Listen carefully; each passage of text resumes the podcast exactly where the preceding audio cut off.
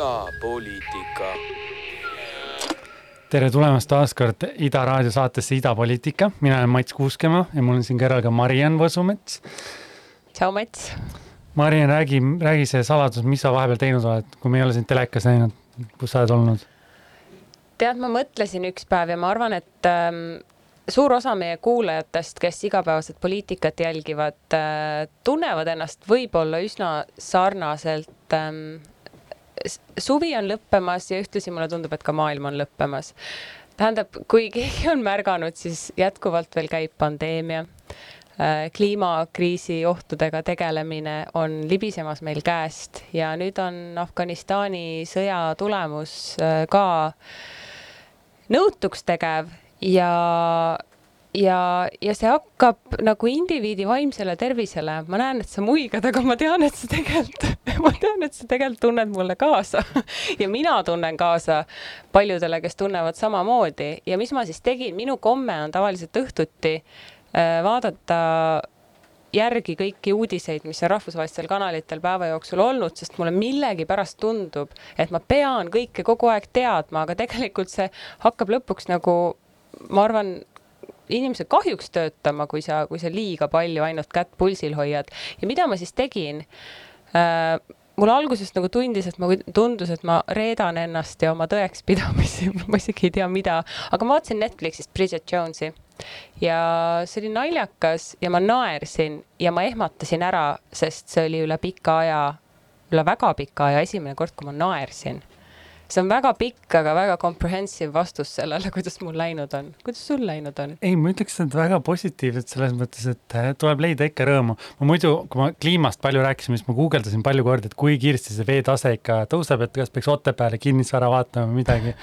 aga tegelikult enamik ikkagi mingid halvemad stsenaariumid ütlevad, et kolm meetrit, ma ei tea, kahe tuhande ühe, üheksa, ühesajandani aastani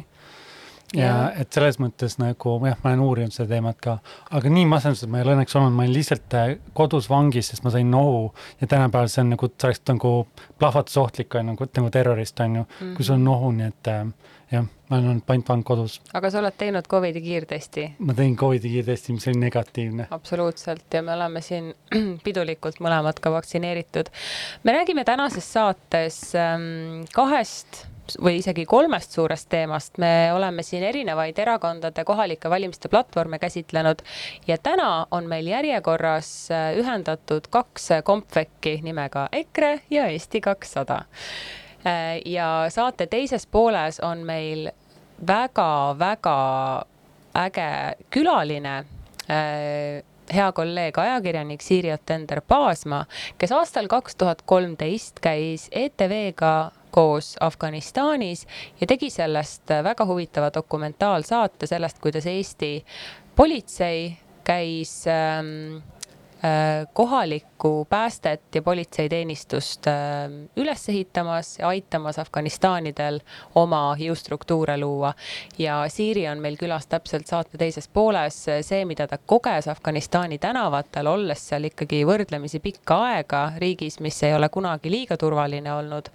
Äh, Siiril on väga palju huvitavaid lugusid sellest. mis veel vahepeal toimunud on, Mats? Ma ei tea, me oleme uudiseid ikka natuke, natuke jälginud, et eh, üht-teist, üht-teist on maailmas juhtunud, aga mis oli võib-olla toredat sündmusest oli, meil oli taasiseseisvumispäev, Eesti on kolmekümne aastane. Mats, iseseisvuse taastamine, riiklik järjepidevus. taasiseseisvumise päev. iseseisvuse taastamise aastapäev no ütleme nii, et sul on õigus ütleme nii ja lisaks oli igatahes, et kolmkümmend aastat, siis on alati huvitav aeg vaadata igasuguseid dokumentaale ja asju, mida ma huviga teen. ja, ja noh, mina olen üks neist inimestest, kes ei mäleta seda aega, on ju, et ma olin pätakas sel ajal, kolmene äkki äh, kui see juhtus. ja üks artikkel, mis mulle jäi meelde, mis mulle oli sümpaatne, oli Meelis Kubits kirjutas sellest, et Eesti võiks tunnustada rohkem Vene demokraate ja nende rolle meie iseseisvumisel. et äh, tegelikult ju oli Jeltsin sel ajal, kui Vene, Nõukogude Liit oli lagunemas ja Eesti tahtis saada iseseisvaks, Jeltsin sel ajal tegelikult oli Venemaa juhiks saanud ja ta mõnes mõttes toetas, või mitte mõnes mõttes, vaid ta otseselt toetas Eesti iseseisvumist äh, Nõukogude Liidu vastu. ja, ja me ei ole kunagi andnud Jeltsinile mingit autasu, et tal on tehtud ainuke ausammas maailmas Eestisse. aga et me, Eesti võiks natuke rohkem tunnustada Vene demokraate, et nemad ka toetasid, et me saime vabaks. ja see on minu arust hea mõte. vot kui huvitavad mõttekäigud siin äh, kahekümnenda augusti järelkajas. mina mõtlen alati selliste deklaratsioonide puhul, et äh, no kohe päris kindlasti Boriss Jeltsin ei mõelnud äh, Eesti peale äh, nii-öelda eksklusiivselt, kui ta seda asja ajas, et mul tekib alati see küsimus, et mis sa arvad, mis tema enda kasu selles kõiges oli, et kusagil ei ole ühtegi Boriss Jeltsinit, kes mõtleb, et vot Eesti on see, mille eest ma nüüd seisma hakkan no selle kohta öeldakse, et poliitikas ei ole sõpru, et see on huvid, on ju. et, et selles mõttes tema huvi oli Nõukogude Liidust lahku, lahku lüüa ja saada ise Venemaa juhiks, on ju. ja selles mõttes tema huvid langesid kokku Balti, Baltimaade huvidega ja, ja meile nagu meie vaates väga positiivne. just, just sinna, sinna me tahtsimegi jõuda jah, et siin võib muidu võib jääda mulje, et on kusagil on suure südamega onud, kes tahavad lihtsalt väikestele riikidele hästi palju head aga jah, ei, see on huvitav perspektiiv muidugi ja kahekümnendal augustil presidendi Roosiaias pidas äh, siis president Kersti Kaljulaidi ametiaja viimase vastuvõtu kõne laulja ja muusik äh, Mari Kalkun. ja kui sina ütlesid, et sina väga suure huviga alati neid äh, iseseisvuse taastamise dokumentaale ja saateid vaatad, siis ma ei julge seda väga kõva häälega välja öelda, aga väga pehmelt öeldes on mul sellisest heietamisest äh, kopp ees, et me iga aasta kahekümnendal augustil jälle peame vaatama, kuidas ikkagi see tikutopp sinna teletorni lifti uste vahele pandi ja kuulama kõiki neid äh, heietusi lihtsalt erinevas kastmes, mida Eesti meediaväljaanded kuidagi nagu jälle üles klopsivad ja neile mingisuguse kargu alla ajavad, et see on tegelikult tohutult äh, tüütu. küll aga väga tore, et Mari Kalkun, noor naine, pidas iseseisvuse aast-, taastamise aastapäeval presidendi juures kõne. Äh, see meel-, see jättis mulle nagu natuke vähem sügavama mulje kui eelmisel aastal Sveta Grigorjeva kõne, mis oli radikaalsem, konkreetsem ja enesekindlam ja mis mind häiris, kui jälle heietustest rääkida. mulle tundub, et see on nagu selline selline parempopulistide või selliste veidrate, mitte heas mõttes konservatiivsete, vaid veidras mõttes konservatiivsete poliitikute võit, et me justkui peame Äh, Võru murdes rääkima seal kõnes, et me peame rääkima tarkast, et me peame rääkima müütilistest Eesti olevustest, vanarahva tarkusest, et see tundub mulle nii ülepingutatud, et see natukene kuidagi oli minu jaoks nagu kuidagi nagu rikkus ära selle kõne, et no äkki üle võlli ei peaks ka panema. muidugi tore, et ta selle kõne pidas, kellelegi see kindlasti meeldis, aga vanarahva tuulte ja taimede ja metsatarkust, ma ei tea, mulle tundub see rahvusromantika ikkagi nagu oh, väga üle võlli aga ma arvan, et tore on see, kui iga aasta on natuke erinev, et kindlasti Sveta Grigorjev oli natuke teisest kandist jälle, et vaatame, mis järgmine aasta toob. vaatame, mis järgmine aasta toob, sest äh, suur tõenäosus on see, et järgmine aasta toob meile Alar Karise, kes esmaspäeval esines väga huvitava avaldusega, mille eest ta muidugi kohe ka ajakirjanike turmtule alla sattus, aga öeldes, et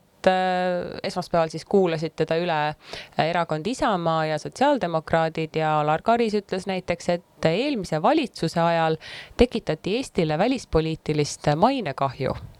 Päris julge sõnavõtt, eks ole, lisaks ütles ta ka seda, et tema kooseluseadust toetab. Ja Isamaa poliitikud ütlesid väga huvitavalt selle peale, et olgugi et neil on erimeelsusi Alar Karisega maailmavaateliselt, siis Priit Sibul ütles, et aga ega erakond Isamaa ei otsi endale esimeest, me otsime ikkagi Eestile presidenti. vot see on riigimehelik konservatiivsus. Ma räägin, konservatiivsust tuleb päästa parempopulismi käest, ma hakkan juba iseennast väsitama selle jutuga, aga, aga argielu annab sellele lihtsalt tõestust iga päev, et äh, väga väärikas seisukoht, nii et elame-näeme, kas kolmekümnendal augustil on Eestil uus president või läheb valijameeste kogusse. jah, eks ta see jänes kübarast toomine on natuke nagu mõni, mõni siis karikatuur on teinud, aga samas on see, meil on, me oleme päris head presidendid saanud tegelikult kokkuvõttes, kui me vaatame seda jah, et vaatamata meie süsteemile, et ei ole otsevalimisi ega presidendidega meil vedanud. mul on üks noor kolleeg, ta on kahekümne aastane ja me vaatasime ähm, toimetuses televiisoris, rääkis Jaak Jõerüüt ja ta küsis, kes see on. ma ütlesin, et see mees kandideeris eelmistel presidendivalimistel või noh, soovis saada presidendiks, presidendikandidaadiks. ja ta ütles, et issand jumal, minu jaoks äh, Tarmo Soomere, Alar Karis, Jaak Jõerüüt, nad on kõik üks ja sama mees, mitte mingit vahet ei ole ja siis ta läks veel,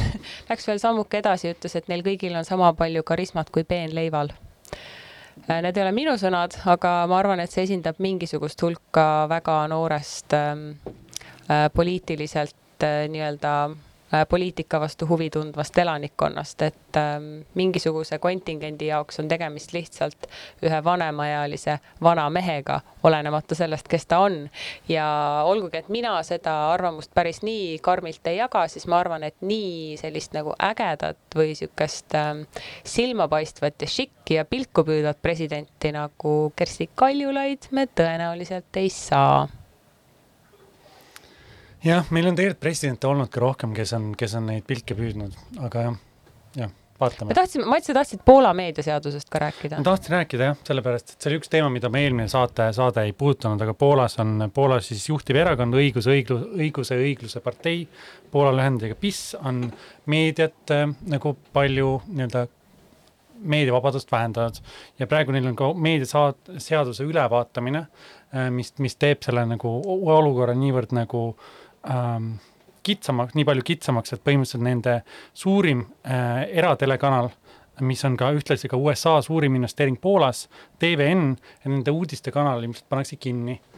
Ja, ja see on hästi suur, hästi suure äh, pahameeletormi tekitanud Poola äh, nii-öelda kõigi opositsiooniringides, aga samamoodi ajakirjanike seas. ja selle sisu on, miks see nii oluline on see,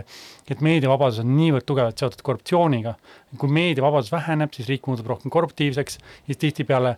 vähendatakse demokraatiat, inimestel ei ole reaalset infot, on ju, keda valida, kahe partei süsteemist saab ühe partei süsteem ja, ja reaalselt ongi demokraatia mingi hetk on ju kukub ära. ja Ungaris on see mõnes võrra, Ungaris on ametlikult juba juhtunud ja Poolas on meediavabadust väga palju vähendatud, see ei ole ainuke riik Euroopas, kus on probleeme, probleeme on ka Bulgaarias, Kreekas ähm,, aga, aga reaalselt äh, meil on nagu meil on mure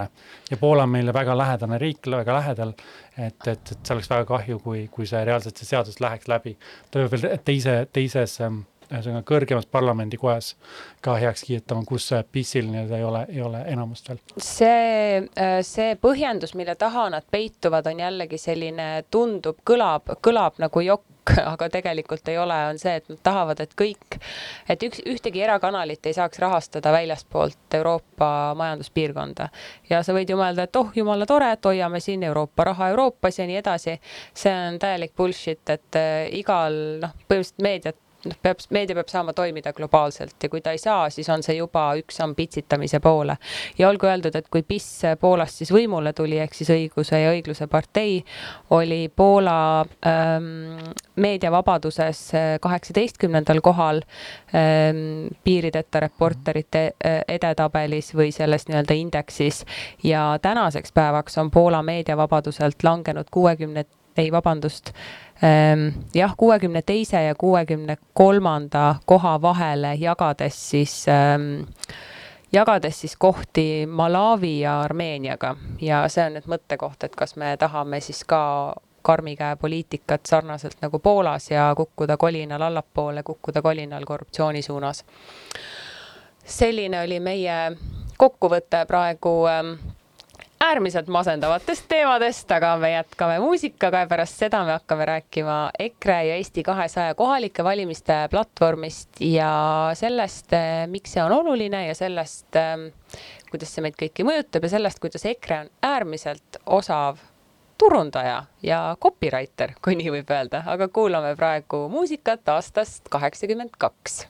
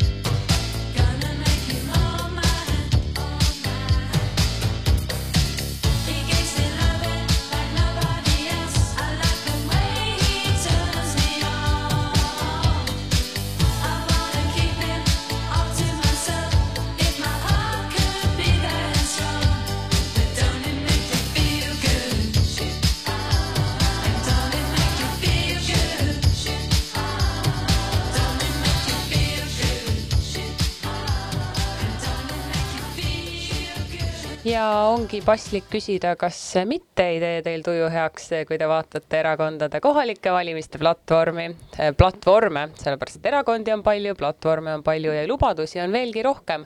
kohalikud valimised lähenevad suure-suure hooga, oktoobrikuus nad juba üle Eesti toimuvad me oleme erinevatest erakondadest siin rääkinud, me oleme rääkinud Rohelistest, Reformierakonnast, sotsidest Isamaast isegi ka, jah, just eelmisel korral. ja täna me mõtlesime, et me ühendame kaks sellist toredat erakonda, okei okay,, toredat nüüd jah, kaks erakonda EKRE ja Eesti kakssada. EKRE kohalike valimiste platvorm äh, kannab väga sellist ähm, mõnusat suupärast lööklauset nimega EKRE viis plussi ja ma sooviks EKRE-le anda väga, noh, ma sooviks EKRE-t tunnustada selle eest, et kui vaadata neid, nende seda viite üldsõnalist, aga siiski väga hoogsalt kirjutatud äh, lubadust, mis nende erakonna lehel on,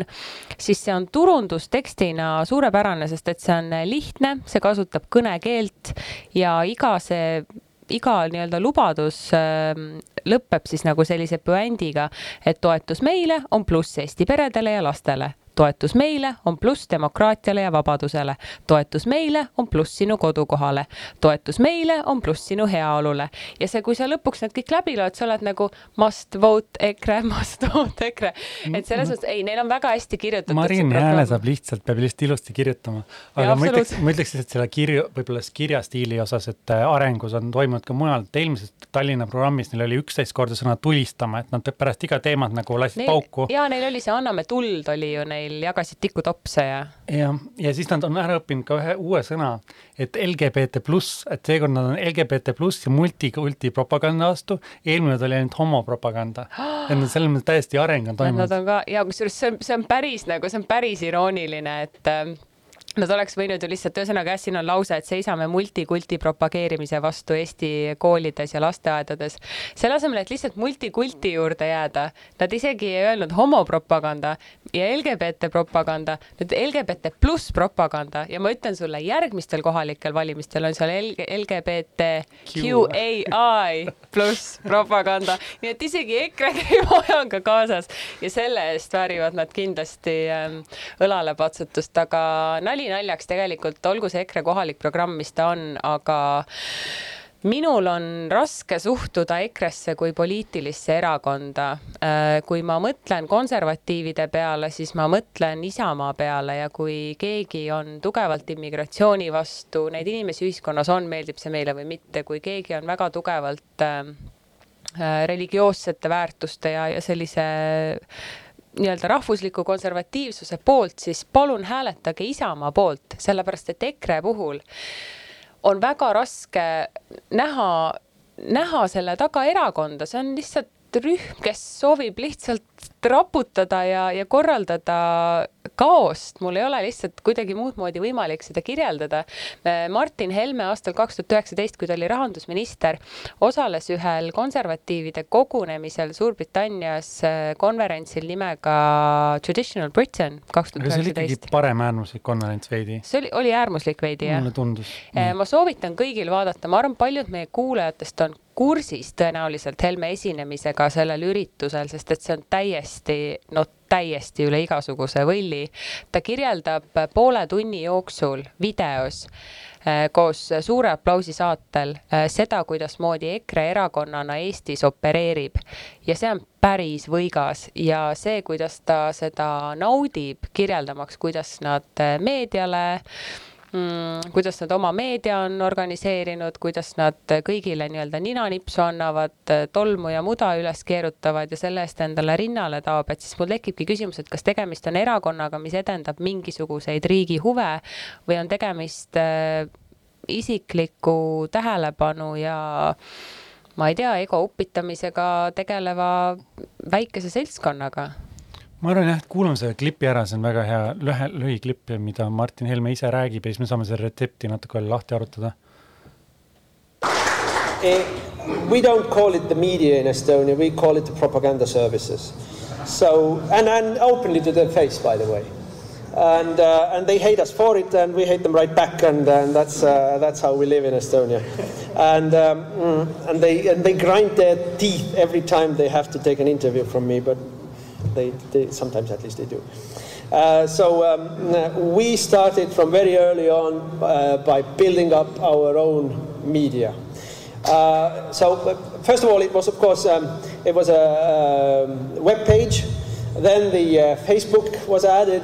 and now we have acquired a network of radio stations, uh, uh, which where we have a weekly talk show, which is the the most listened to talk show every week in Estonia. Uh, so uh, me and my father, uh, or sometimes some other our politicians, are there every week.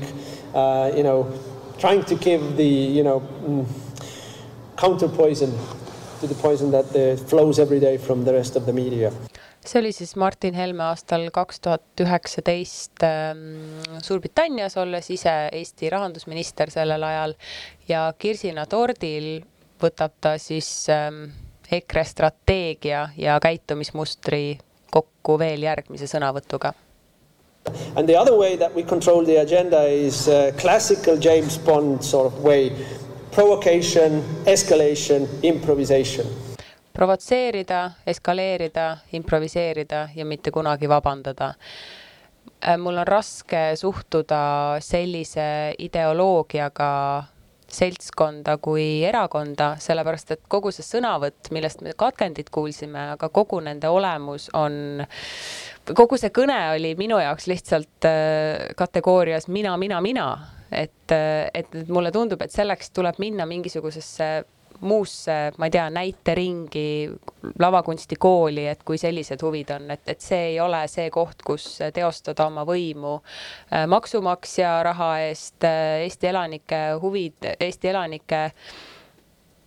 nii-öelda arvelt, see, see ei ole see koht ja selles mõttes me võime jah öelda, et olgu tore, EKRE viis plussi on hästi kirja pandud ja nii edasi, aga no tegelikult see minu silmis ei ole tegemist tõsiseltvõetava erakonnaga ja jah. ma arvan, et seal on kaks poolt, üks on see poliittehnoloogia, mis on loomulikult täiesti lõhkuv, et kui sa lõhud midagi ära, siis sul ju ei ole seda enam, on ju, siis on midagi muud, eks, et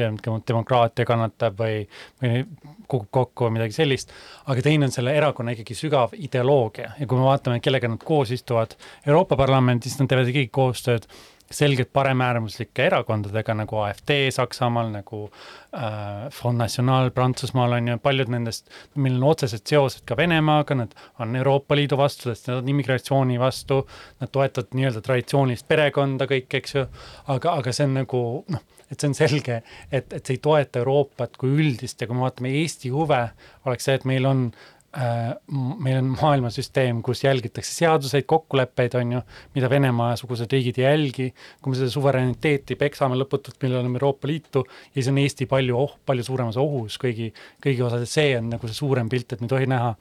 EKRE-t üksi, on ju, ta võib lubada meile kõike, aga kui me vaatame seda seltskonda, kus ta koos on, kas see seltskond on, see seltskond on Eestile kasulik, ei ole. ja see seltskond globaalselt Euroopas kui globaalselt, mida ta tekitab, on see, see pinge ja polariseerumine see tahab saada väljundit ühel hetkel, ta tahab seda pinget maandada, kõik see, mida, mida ütleme, mingile seltskonnale valijatest tundub, et nad on kas alla surutud või nad ei saa öelda midagi välja või ennast väljendada. kui EKRE tuleb ja ütleb, et, et nii-öelda rusikaga vastu seina taguda on okei okay ja igasuguseid reegleid eirata on okei okay ja, ja noh ma ei taha halvasti öelda inimeste kohta, aga, aga see kehtib ka natukene nagu sellise anti-science seltskonna puhul, et kui, kui keegi tuleb välja ja öelda, ütleb, et,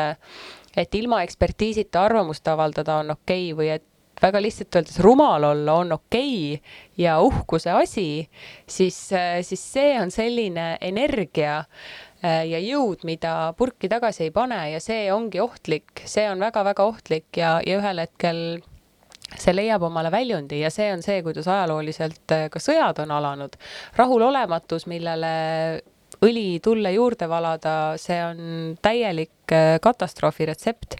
nii et selles mõttes on sul jah õigus, et kui nad seal istuvad koos veel selliste seltskondadega ja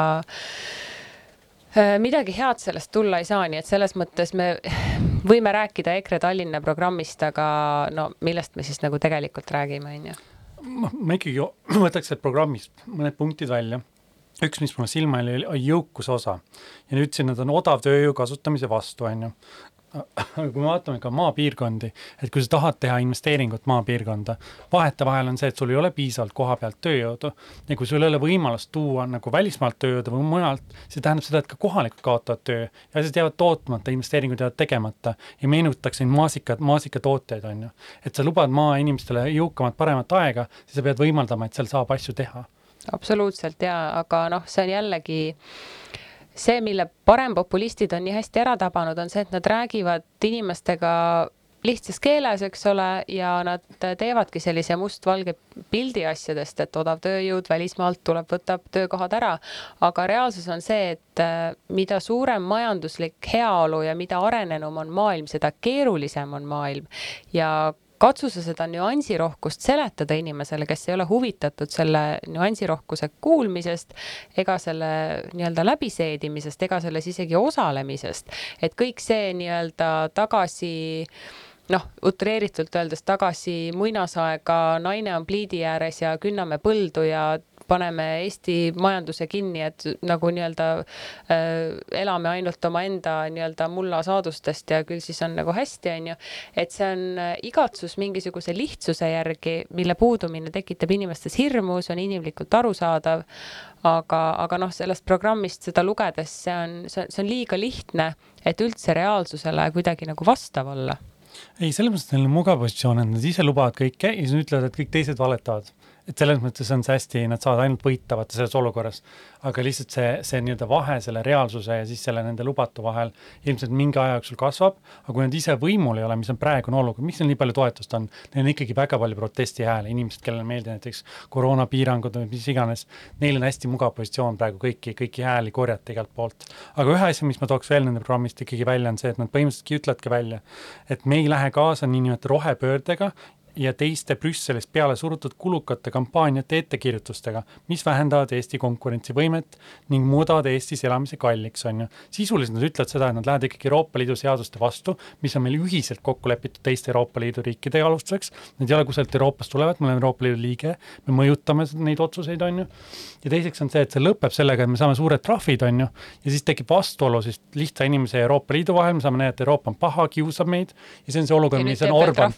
mis on Orban Orban, Orban on tekitanud endale, et Euroopa on see paha, kes kogu aeg neid kiusab ja tema on siis õige inimene, kes nende eest seisab, seisab, on ju. Mhm. et, et see on see nagu vastuolu, mis neil on vajalik, et noh, põhimõtteliselt on ju samamoodi kõikidel autoritaarsetel režiimidel on nagu mingid, mingid asjad, mille vastu nad võitlevad. ja sul on alati vaenlast vaja. sakslased on ju, kaitsesid on ju juutide vastu null koma viis protsenti elanikkonnast on ju. no praegu on siis immigrandid peamiselt, kes on nagu hästi lihtne, lihtne target on ju. et, et see on alati, nad, nad, nemad on alati ohvrid tegelikult on ju. et eh, minu arust kas, kas see, see male Garri Kasparov, male, maletaja on öelnud seda, et kui sa suudad panna rahva enamuse uskuma, et rahva, et, et rahva vähemus ohustab neid ja ainult sina suudad neid kaitsta, siis sa võid demokraatias väga palju saavutada. et ma ütleks, et see kogu need populistid ja need rahvuspopulism, on ju, mis, mis EKRE on nagu selles mõttes, et see kalduvad ja siis autoritaarsed äh, nagu poliitikud, kes räägitakse akadeemilisest maailmast nagu suht sarnaselt, on ju, need on samad inimesed, kes kalduvad tegelikult, samad meetodid, samad asjad.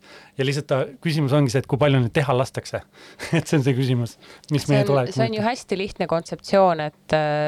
sellisel ainuvõimu või üldse suure võimu ihalejal on äh, ja parempopulistil on vaja alati vaenlast, on ju, et see on hästi lihtne retsept ja hästi lihtne šabloon, aga seda šablooni on võimalik lõputult täita ja seda on võimalik üha uuesti ja uuesti täita. ja inimene ei saa sellest aru, äh, see inimene, kes seda usub, ei saa sellest aru, et seal taga on äh, ongi poliittehnoloogiline võte ja ta mõtleb, et see immigrant ongi tema vastane ja, või tema vastane või tema vaenlane või ohustab teda või et see, ma ei tea ähm, samasoolised paarid on kuidagi ohuks, et, et noh, täpselt nagu sa ütlesid, et noh, et, et ma, mind hämmastab, et me ikka jälle sellest peame rääkima, aga, aga, aga paraku nii on. tead, Mats, mis ma sulle nüüd ütlen, ma ütlen sulle sellist asja, et me räägime Eesti kahesajast järgmises saates, sest et EKRE pani meid sõiduvette jah, kahjuks küll me sõitsime kaugele ära, aga kuulame siis head muusikat. tüürisime kaugele EKRE-maale, aga Siiri Otender Paasmaa, kes Afganistanis kaks tuhat kolmteist tegi dokumentaalsaate, liitub meiega kohe pärast seda muusikapala, mis on aastast kaheksakümmend kaheksa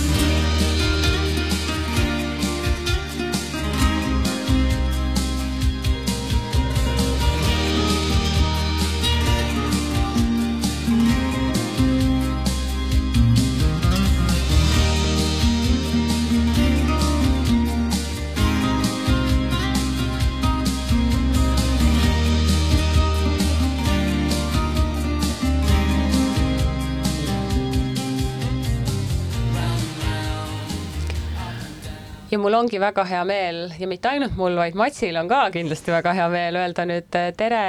Siirile, kes on meiega liitunud siin Ida raadio stuudios ja minul on ka väga hea meel siin olla, nii et tere, tere!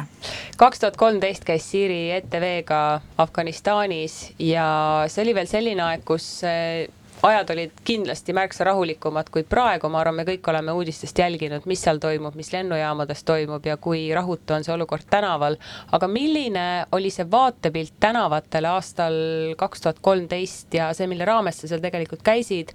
oli ju see, et kajastada, kuidasmoodi Eesti politsei oma panust annab sellesse, et siis äh, riiki üles ehitada tegelikult natukene muutus see meie eesmärk selle reisi äh, nii-öelda kestel, et äh, esialgu me läksime sinna siseministeeriumi ametliku visiidiga, nagu tol ajal ikka käidi, et kas käidi sõjaväelastega koos või või siis äh, mõne kõrgema riigijuhiga ja meie olime siis siseministriga seal, kelle eesmärgiks oli siis külastada neid erinevaid Äh, politseiasutusi ja, ja pääste äh, nii-öelda asutusi, mis seal siis olid, äh, kohtuda nende kindralitega ja muidugi siis ka meie nii EUPOL-i kui NATO missioonil olevate eestlastega aga see pisut muutus selles mõttes, et meile tundus äh, sellest visiidist märksa huvitavam just see elu, mismoodi need politseinikud, äh, päästjad, äh, kes seal reaalselt siis tööd tegid, tegutsesid. Ja kogu see situatsioon, mis Afganistanis tol ajal oli, et kui need ametlikud kohtumised olid sellised noh, lihtsalt tseremoniaalsed, eks ju, kus vahetati viisakusi need Afgaani kõrged äh, kindralid, äh, kes seal kohtumistel olid, ega nendel ei olnud ühtegi probleemi seal siis ka, et äh, et neil oli kõik väga hästi, nad väga tänasid neid, kes on neile appi tulnud, aga ega sellist suurt ja siirast soovi vähemalt me küll ei märganud, et noh, midagi seal tohutult muutuma peaks nende meelest, see ei olnud oluline, et neil olid hoopis, hoopis teised asjad olid olulised, ehk see, et et kui ma olin juba siia ministeeriumisse kord tööle saanud, et siis näed, mul siin terve hõim nüüd töötab ka siin, eks ju, et see oli nagu nende eesmärk. aga. ja siis te läksite päriselu vaatama omal käel? jaa, me, ma tegelikult pean vabandama nii tollase Assuri Vahur Soosaare ees kui ka Briti lähikaitse ees, kes meid oli sinna palgatud turvama aga selleks, et äh, seal ringi liikuda, siis päris äh, püssimeestega ei saa. Äh, me oleme väga tänulikud samadele politseimissioonil olevatele Eesti politseinikele ja ka NATO missioonil olevatele, kes tol ajal seal olid ja kes meid siis oma soomustatud auto peale võtsid ja, ja tegelikku elu näitasid me käisime ära äh, nii kõik need sõjaväebaasid, äh, politseijaoskonnad, äh, vestlesime nende inimestega, nii juhtidega kui ka tava nii-öelda reakodanikega, nii palju, kui see oli võimalik, sellepärast et üldiselt ega nad mingisuguseid keeli, selliseid rahvusvaheliselt tunnustatud keeli väga ei osanud, mõned natukene purssisid vene keelt ja, ja noh, teine asi, ähm, ma tean, me ju tegelikult, Mariann, oleme sinuga rääkinud sellel teemal, eks ju, et ega ka nende silm väga selge ei olnud, et selles mõttes oli üsna no, keeruline nendega rääkida. oopiumipõllud on käepärast, eks ole, et ma tahakski mhm. teada, et kui, kui tuntav ja nähtav ja, ja lähedal see ikkagi oli, see narkouimast kodanik ja isegi tegelikult teinekord tööpostil kodanik? no pigem just tööpostil kodanik, et selles mõttes see, et sa lähed kuhugi postile, mida valvab siis Afganistani sõjaväelane ja ta on ilmselgelt narkouimas, see oli pigem tavaline. ma ütleks, et äh, ma ei väga ei kohanud neid, kelle silm oleks selge olnud, täpselt sama politseiga, eks ju ja, ja eks siis äh, ja. sellest juhtusid need intsidendid. ma ei hakka vahele segama, aga muidugi Hitler võttis ka Blitzkriegi selles mõttes tänu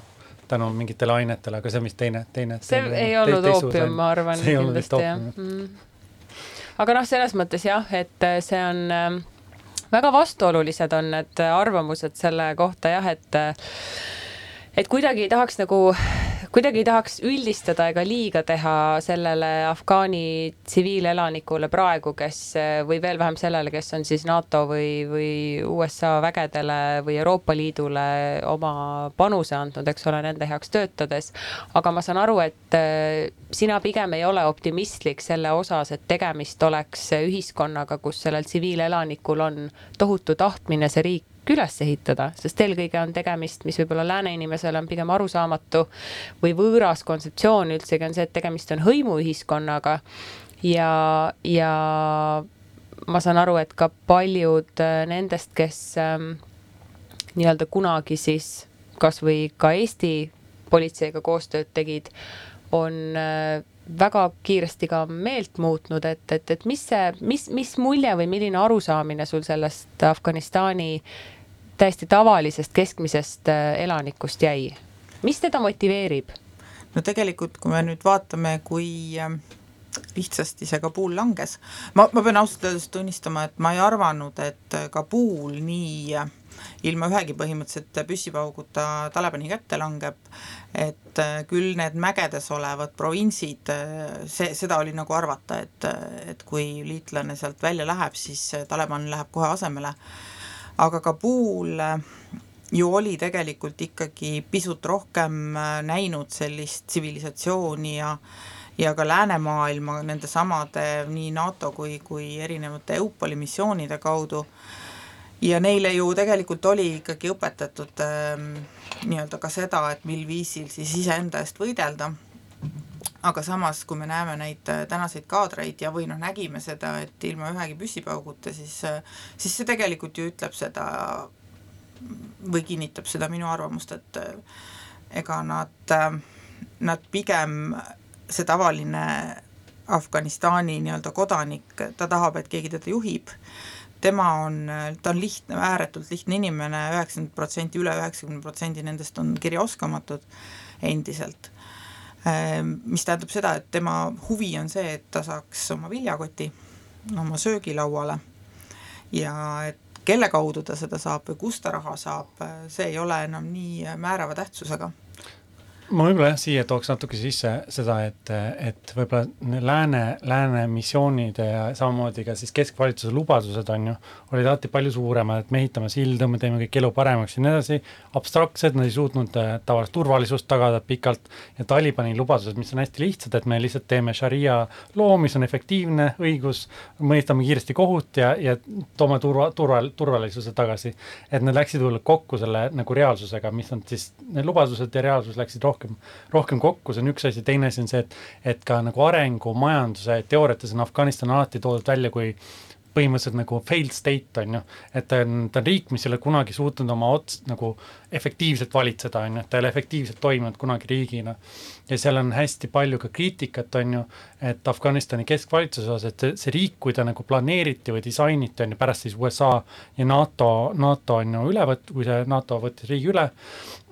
siis oli hästi palju kes hõimukonstitutsioone ja nii edasi, et paljud tahtsid tugevat Afgaani riiki. Ja sellepärast tehti hästi tugev presidendi institutsioon, hästi tugev keskvõim, aga sisuliselt see ei toimunud, sellepärast et see on hõimuühiskond, nagu sa räägid, on ju, et igaüks vaatab koha pealt lähedalt. et võib-olla minu küsimus ongi see, et kui sa, kui sa käid väiksemates kohtades, et kuidas sa tajusid inimeste suhtumist Kabuli või, või sellesse riiki, Afganistani kui riiki,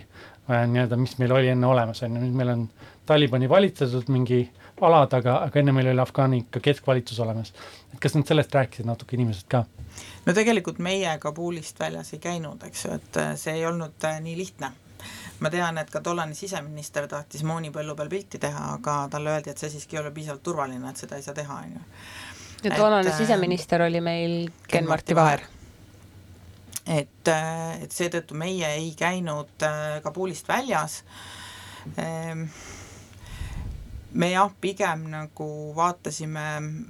me tegelikult külastasime nii nende õppeasutusi, kus nad, kus nad siis õppisid ja, ja vaatasime, kuidas nad töötavad, et sellist äh, noort entusiastlikku äh, Afgaani kodanikku, kes tahaks oma riigi eest võidelda, ma ütlen ausalt, mina ei kohanud. et ma ei tea, kus nad olid aga need, keda seal õpetati ja kes seal olid, olid pigem sellised keskeas ja natukene üle keskea eh, vanemad härrasmehed mõistagi. -hmm. ja nende nende silmis oli pigem see, et ma proovin selle tänase päeva jälle õhtusse saada ja tegelikult on väga tore, et need äh, lääneriigid siin on, sest nad äh, annavad mulle raha ja ja nad patsutavad mind ka, ütlevad, et noh, tegelikult sa oled tubli, et hakka nüüd kirjutama oma nime õppima ja, ja nii lihtsalt see ongi, et mm -hmm et selles mõttes see suhtumine Kabuli, aga, aga mida ma küll saan öelda, et kui me sealt ära lendasime, see äralend oli muidugi veel väga omapärane et meil, me olime noh, mõnes mõttes sunnitud lendama SAF-iga ehk Afganistani oma lennukompaniiga, millel siis on ülelennud mitmetest riikidest keelatud narkoveo tõttu. Ja minu kõrvale siis sattus istuma üks eh, noormees Afganistanist, kes oli hariduse omandanud äh, algselt Afganistanis ja hiljem juba Dubais ja tegelikult ta elas juba Dubais. Ja tema jutust äh, oli üsna selgelt aru saada, et noh, nii nagu temagi, et paljud tema nii-öelda eakaaslased, et kui see esmane haridus oli seal kätte saadud, siis nad tegelikult ikkagi läksid juba ära sealt Afganistanist ma arvan jah. see mina... teooria ongi jah see, et, et, et see, kes tahtis ära minna, see oli juba selleks hetkeks ära läinud, kui nüüd äh, augustis äh, siis USA oma väed sealt välja viis. no kindlasti mitte kõigil, eks ju, selles mõttes, et ega Eh, kui nüüd aru, jah, muidugi väga kena oli näha neid eh, kaadreid, kus eh, noored tüdrukud kooli lähevad, aga sellegipoolest ma, ma julgen arvata, et väga palju selles riigis armastusabielusid ei ole siiski, eks ju, et nad kõik olid ikkagi kellelegi mehele pandud ja seal äh, eksisteeris ka nende jaoks väga kindlad reeglid, kuidas elada, et noh, selles mõttes naistele kindlasti oli palju keerulisem, aga need, kes Kabulist jah, väga tahtsid, ma arvan, et neil oli juba võimalus sealt lahkuda ja nad nende aastate jooksul äh, selle võimaluse leidsid, sest noh, mina ütlen, et selle kahekümne aasta jooksul ei ole see Kabul ega Afganistan mitte kunagi turvaline olnud, millest räägiti, eks ju. Jah, mul on õnnestunud kohata ka mõnesid afgaane diplomaate ja ma ei tea, noori ettevõtjaid ja nii edasi, et et see ärasilmseid inimesi on muidugi, aga loomulikult ühiskond, kus on, nagu sa ütlesid, üheksakümmend protsenti on kirjaoskamatud, sul on hästi pikk tee selleks arenguks, see kakskümmend aastat kindlasti tõi mingi arengu, mingi edasimineku ja nüüd on hästi suur tagasiminek, et see on selge, et et on palju inimesi, kes ikkagi mingil määral, neile meeldis see valitsus, on ju, aga see riik kui sellisena oli, oli, ma arvan, halvasti disainitud. et, et nagu palju see, tüüppkriitika on see, et see peaks olema nagu Šveits, on ju, see oleks pidanud tugevamalt olema hõimudel, võib-olla föderaalne, nii-öelda mingi hõimupõhiselt, on ju, et see keskvalitsus lihtsalt ei toiminud, sellepärast et see oli nagu kauge, on ju, Kabul, sest presidendile anti hästi palju võimu, ta võis ametisse nimetada igast inimesi, kes tihtipeale olid nagu kohalike kogukonna poolt mitte vastu võetud, on ju, ja see nagu kaugendas siis noh, ühesõnaga samamoodi Taliban kogu aeg ju nii-öelda kogu aeg ründas seda valitsust ka nii, et, et see oli väga raske olukord ka, kus nagu olla. ja Mats, sa mainisid seda keskvõimu enne, aga võib-olla selline väga lühike kiirajalugu sellest, mis seal siis ikkagi toimus enne, kui Taliban tekkis ja kus see Taliban ikkagi tekkis, siis oli ju seitsekümmend üheksa kuni kaheksakümmend üheksa Nõukogude Afganistani sõda ja see keskvõim, mis seal oli, see oli ikkagi äh, nii-öelda Nõukogude vabariik, eks ole, et, et see ei olnud ka mingisugune Afganistani orgaaniline enda rahvuslik moodustis, eks ole. ja, ja, ja siis äh, sõditi ka, eks ole, sunni-islamistidega mudžahidiini koosluses või nagu vormingus. ja kui Nõukogude Liit kaheksakümmend üheksa oma väed sealt välja viis, tekkis või noh, tõusis sellest kodusõda, sellest äh, segadusest, kes selle võimu peaks võtma. ja see kodusõda toimis, toimus peamiselt Põhja-Afganistanis ja lõunas, äh, sealhulgas ka Pakistanis, mis jääb Afganistanist lõunasse. Ähm, hakati siis ikkagi noortele ja, ja ka vanematele andma sellist ikkagi nagu džihaadi õpetust, nad käisid äh,, äh, kuidas selle nimi oligi, nendes koolides ühesõnaga ja, ja, ja Taliban tegelikult tähendabki ju õpilasi. ja, ja selleks, et seda kodusõda seal kuidagi leevendada, selgust tuua, äh, siis äh, tekkiski nii-öelda Lõuna, Lõuna-Afganistanist circa septembris tuhat üheksasada üheksakümmend neli Taliban, kes siis hõim hõimu haaval, aga ka siis suhteliselt lihtsalt, suhteliselt vereta hakkas lõuna poolt Afganistani erinevaid provintse, linnu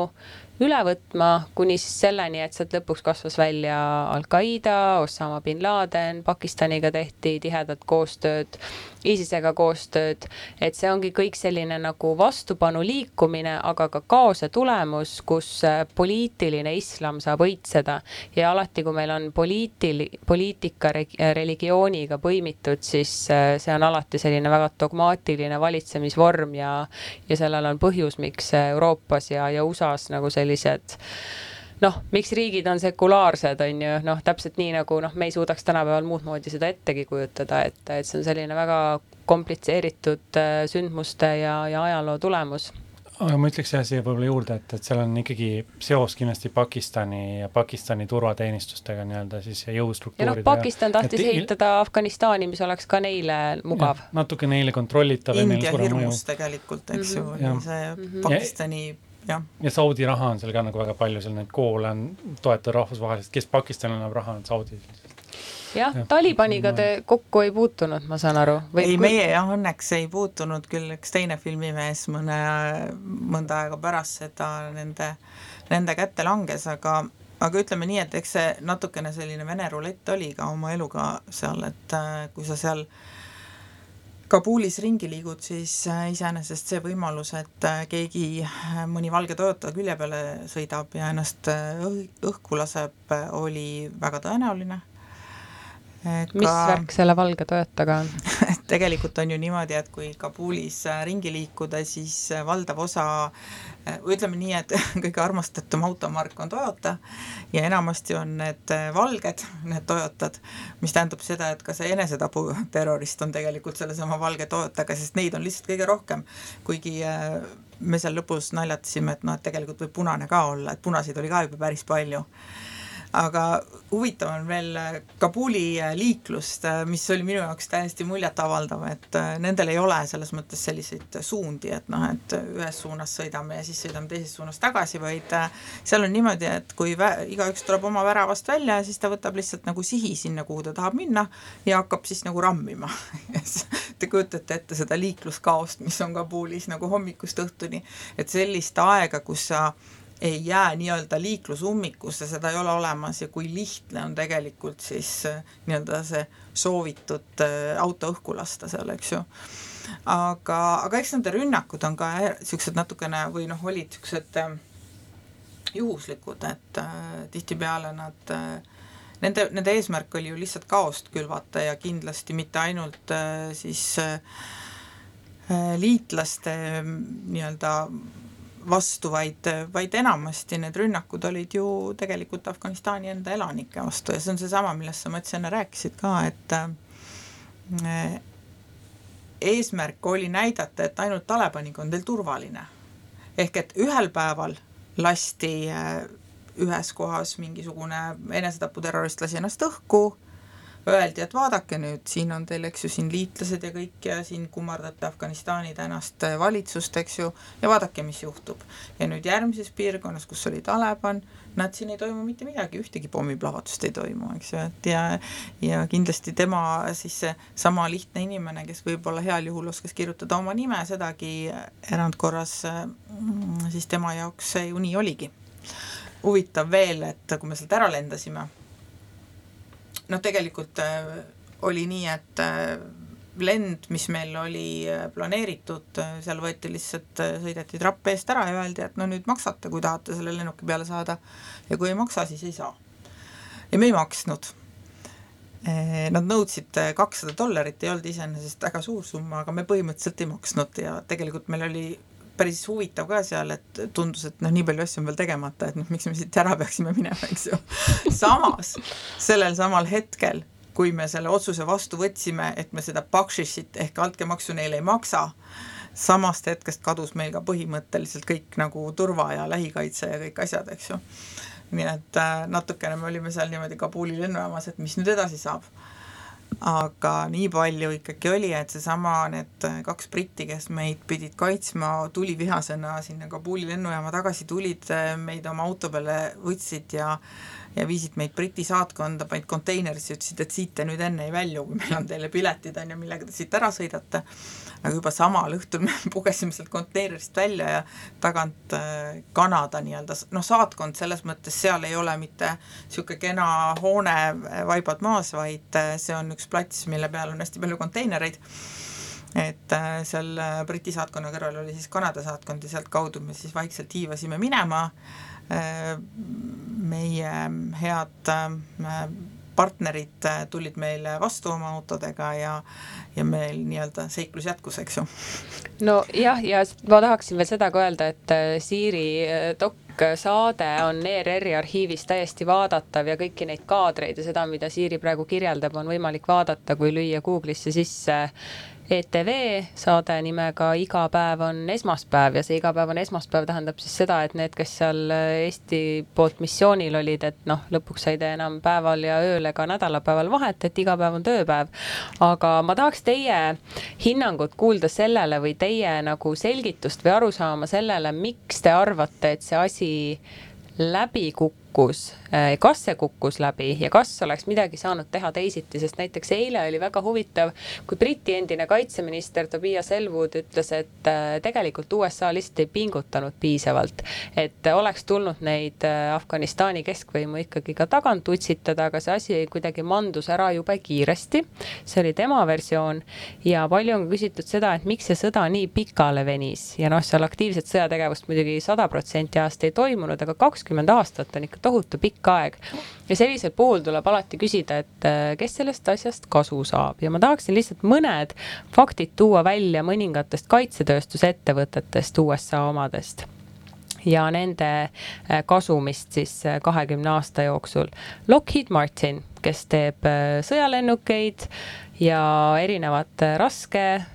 relvastust äh, tuhat kakssada kolmkümmend kuus protsenti puhastulu. Boeing, peamiselt sõjalennukid, üheksasada seitsekümmend viis protsenti nii-öelda tagasi teenitud siis oma investeeringult, et kujuta ette, et sa investeerid sinna ma ei tea, kümme miljonit ja siis sa saad sellest üheksasada seitsekümmend viis protsenti tagasi. General Dynamics kuussada kakskümmend viis protsenti, Raytheon kolmsada kolmkümmend üks protsenti äh, tulu siis äh, investeeringutelt, mis sinna alguses sisse on pandud, et, äh, et see, et see relvalobi on võimas ja see tekitab nagu sellise demokraatlikust vaatenurgast küsimuse, et kes nüüd tegelikult neid reparatsioone peaks maksma, kes seda tsiviilelanikku aitama peaks, sest et maksumaksja raha on kõik läinud sinna relvatööstuse nuumamisse ja see on veel pehmelt öeldud. jah, siin on muidugi palju teemasid korraga muidugi, mis ma tahtsin Marinale alguses, enne me arutasime sellest enne ka, et ma ütlen, et on hea, minu meelest on hea, et on olemas USA relvatööstus, et kui oleks ainult Vene ja Hiina oma, siis ma arvan, et me saaks öösel palju halvemini magada. aga, aga loomulikult on kole see, kui loomulikult mingi relvatööstus võidab sõjast, eks. aga see on paratamatus mõnes mõttes. probleem ongi see võib-olla, et USA on parem nagu mingi riigi siis ülevõtmises militaarvormis, aga ta ei ole nii hea selle ülesehitamises, hoidmises. ja seal on see fail olnud, et jah, see, see on selge. sinna, sinna mindi nine eleveni pärast, sinna jäädi sõjatööstuse pärast, see on minu arusaamine asjast. Siiri, mis sulle tundub, miks see asi ei õnnestunud? lisaks kindlasti see ka, et Afganistan on tegelikult maavarade poolt väga rikas maa et ilmselgelt ei mindud sinna ju Afganistani riiki üles ehitama, et see on täna ju tegelikult päevselge, eks ju. et äh, muidugi, just nimelt, need huvid seal olidki. Ma, ma ise, ma jään ikkagi eriarvamusele, selles mõttes ma arvan, et, et maailmas on palju nagu, ma arvan, et ameeriklased on ka idealistlikumad, kui te võib-olla arvate, et et nad ikkagi mindi sinna, see, see on selge, et üheksa üksteist vajas mingit vastust, Al-Qaeda tegutses seal, see oli USA täiesti USA turvalisuse küsimus, on ju, aga see, mis edasi sai, see oligi natuke learning by doing, on ju, selles mõttes, mis sa teed edasi. see mõte üldse, et me toome sealt sellises olukorras nagu äh, inimesi välja, samamoodi nagu Süüriast toodi väed välja, pärast Venemaa võttis üle ja pa-, ja Bashar on ju, al-Assad võit-, võttis kõik enda alla, on ju, põhimõtteliselt. et see oli, see oli Trumpi ajal nagu toodud mõte, on ju, et üleüldiselt, kui USA on kusagile konflikti sekkunud, siis ta on ka sinna jätnud, jätnud oma relvajõud, USA relvajõud olid Euroopas kogu, ma ei tea, teise maailmasõjas kuni ma ei tea, praeguseni põhimõtteliselt, aga need riigid, kus olid USA väed sees, need jäid demokraatlikuks, need riigid, kus olid Nõukogude väed sees, need said, on ju, kommunistlikuks, et selles mõttes nagu noh, et see väljatoomine on hästi raske küsimus, et ma ei oskaks, ma, ma ei tooks seda nii selget sida, et, et, et see oli nagu relvatööstuse kasu, on ju. et see on ikkagi ebamugav inimesi hoida. see kindlasti, kindlasti oli relvatööstuse kasu ja see, mis ma ette lugesin, ei olnud mingi improvisatsioon, vaid need olid faktid, mis on ka kontrollitavad, aga selles osas mina olen, ma, ma jagan seda, et muidugi mindi sinna nine eleveni pärast, muidugi see vastus saigi ainult selline olla. lihtsalt see, miks see asi nii äh, pikale venis ja, ja kes sellest nagu rahalist kasu siis lõpuks teenis. et, et see oli, see oli relvatööstus ja siin puhul minu meelest üks ei välista teist sugugi aga kuidas, kuidas siit nüüd edasi minna, ma ei tea, Eesti teatas, et meie võtame vastu, ma ei tea, mis see nüüd oli, kümme või kolmkümmend põgenikku. meie seda probleemi ei lahenda, ärme sellest üldse kinni jää, aga, aga mis, mis neist saab edasi? Või mitte, mis neist saab, mis, mis meist saab, sellepärast et peamine potentsiaalne oht on ikkagi see, et Afganistanist saab terrorismi kasvulava tänu Talibanile. Ma isegi arvan, et see võib-olla ei ole nii drastiline et ma ei, ma ei usu, et, et ähm, Taliban iseenesest ju noh, nende eesmärk oli ikkagi ju saada nii-öelda see võim oma kodumaal tagasi, on ju. et äh, kui palju neist on, nende, nagu ma ütlesin, nende rünnakud ja kogu see taktika oli nii lihtne, et äh, jah, kindlasti nad on kahekümne aastaga arenenud ka ja, ja nende retoorika on arenenud ja kõik, kõik on arenenud aga ma ei arva, et me peaksime neid nüüd tulihingeliselt äh, kartma, et äh, et ma ei usu seda. ja, ja mul on kahju nendest naistest ja lastest, kes on need kakskümmend aastat seal maitsnud seda pisut vabamat elu ja, ja just tüdrukutest, kes on koolis käinud, nendest on tõesti kahju. Äh, hea oleks, kui nendest, kes ennast seal ei tunne turvaliselt, et need ära sealt tuuakse. aga enamus sellest äh, rahvast, neil on ikkagi suhteliselt ükskõik, äh, millise võimu all nad elavad, et nad äh, tahavad oma kõhu täis saada. Nad tahavad teenida oma pakšissit, noh, kogu see korruptsioon, mis, mis on selle riigi osa, eks ju, on ju ka üks, miks seda korruptsiooni, mina ei näinud, et seda korruptsiooni oleks keegi üritanud seal kuidagimoodi muuta või välja juurida, et noh, et kõik käiski ju ainult, et et kuidas hõim saaks, kuidas raha saaks, seda näitab ka tänase presidendi lahkumine sealt nende, nende rahaautodega, eks ju, et nende mõttemaailm on, on üsna lihtne selle korruptsiooni tõsidust tegelikult näitab ka see, et Ukraina, mis on ju Afganistaniga võrreldes tohutult palju arenenum riik, ka seal on korruptsioon põhjus, miks äh, asjad ikkagi noh, juba nii palju olles eelisarenenud Afganistanist on ikkagi tohutu pidur korruptsioon. jah, ma ütleks ka, et seal on ka seos on ju, nagu me rääkisime, meediavabadus, korruptsioon, aga lõpuks, kui sul on lõputult korruptsiooni, siis sul tuleb sõda. et see ja. on nagu reaalsus, need on konfliktiriigid, mis on kõige korruptiivsemad. täpselt, täpselt. ja sõja ajal on alati kõige hullem ka naistel ja nii edasi, aga igatahes, et loodame, Siiri, et sul on õigus et -hmm. et, et Taliban suudab valitseda natuke mõistlikumat, on ka teisi väga šariaati järgivaid riike olemas maailmas,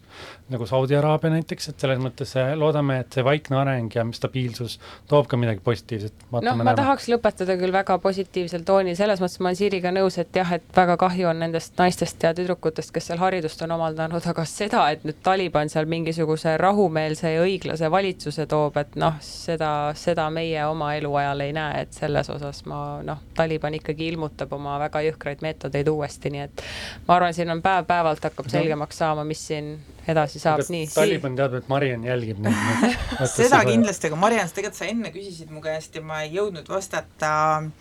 eh, et kuidas nende ülejooksikutega on, et me täna koht-, ütleme mitte täna, aga sellel nädalal kohtusin siis nendesamade inimestega, kellega me seal koos Afganistanis olime, nende hulgas siis äh, Georg Tomek Triškin, äh, kes oli siis nii-öelda luurenõunikuna seal tööl. Ja Geo-, ja Tomek siis nagu väga vingelt juhtis tähelepanu sellele, et vaata, et äh, kes on juba üle jooksnud Talibani poole, eks ju et kui nendele mm, politseinikele ja sõjaväelastele ja kõigile õpetati noh, igasuguseid erinevaid äh, võimalusi eksisteerimiseks, äh, sealhulgas ka relva käsitlemist turvaliselt, eks ju, kõige muu juures, noh, neile õpetati seal liiklust ka reguleerima, aga sellest ei tulnud kunagi midagi välja, aga aga neile õpetati, et äh, kui sa relva nii-öelda sõrme, et ära hoia päästikul, vaid hoia niimoodi sirgelt, eks ju ja see on neile tegelikult juurdunud. ja kui täna vaadata neid pilte, mis on äh,, Taleb on teinud, siis äh, umbes niimoodi on, et kaks tükki on nii-öelda selline noh, Talibani enda võitlejad ja kolm tükki on juba ülejooksikud, kellel nii-öelda näpp on sirgelt, ei ole päästikule pandud et see on, see on nagu luurajate selline silm, mida nad näevad tänastes kaadrites, mis sealt äh, saabuvad. noh, mis näitabki seda, et mida ma ka enne ütlesin, et neil ei ole tegelikult väga vahet, kes neid valitseb. peaasi, et keegi val-, valitseb, eks ju, peaasi, et saab tööd, peaasi, et saab vilja, peaasi, et saab süüa Siiri, suur aitäh sulle tulemast meie saatesse ja neid huvitavaid tähelepanekuid äh, jagamast ja meie kohtume uuesti kahe nädala pärast. ja, ja jälgige meid. ja andke meile tagasisidet ka. just täpselt nii, kuule, kuulmiseni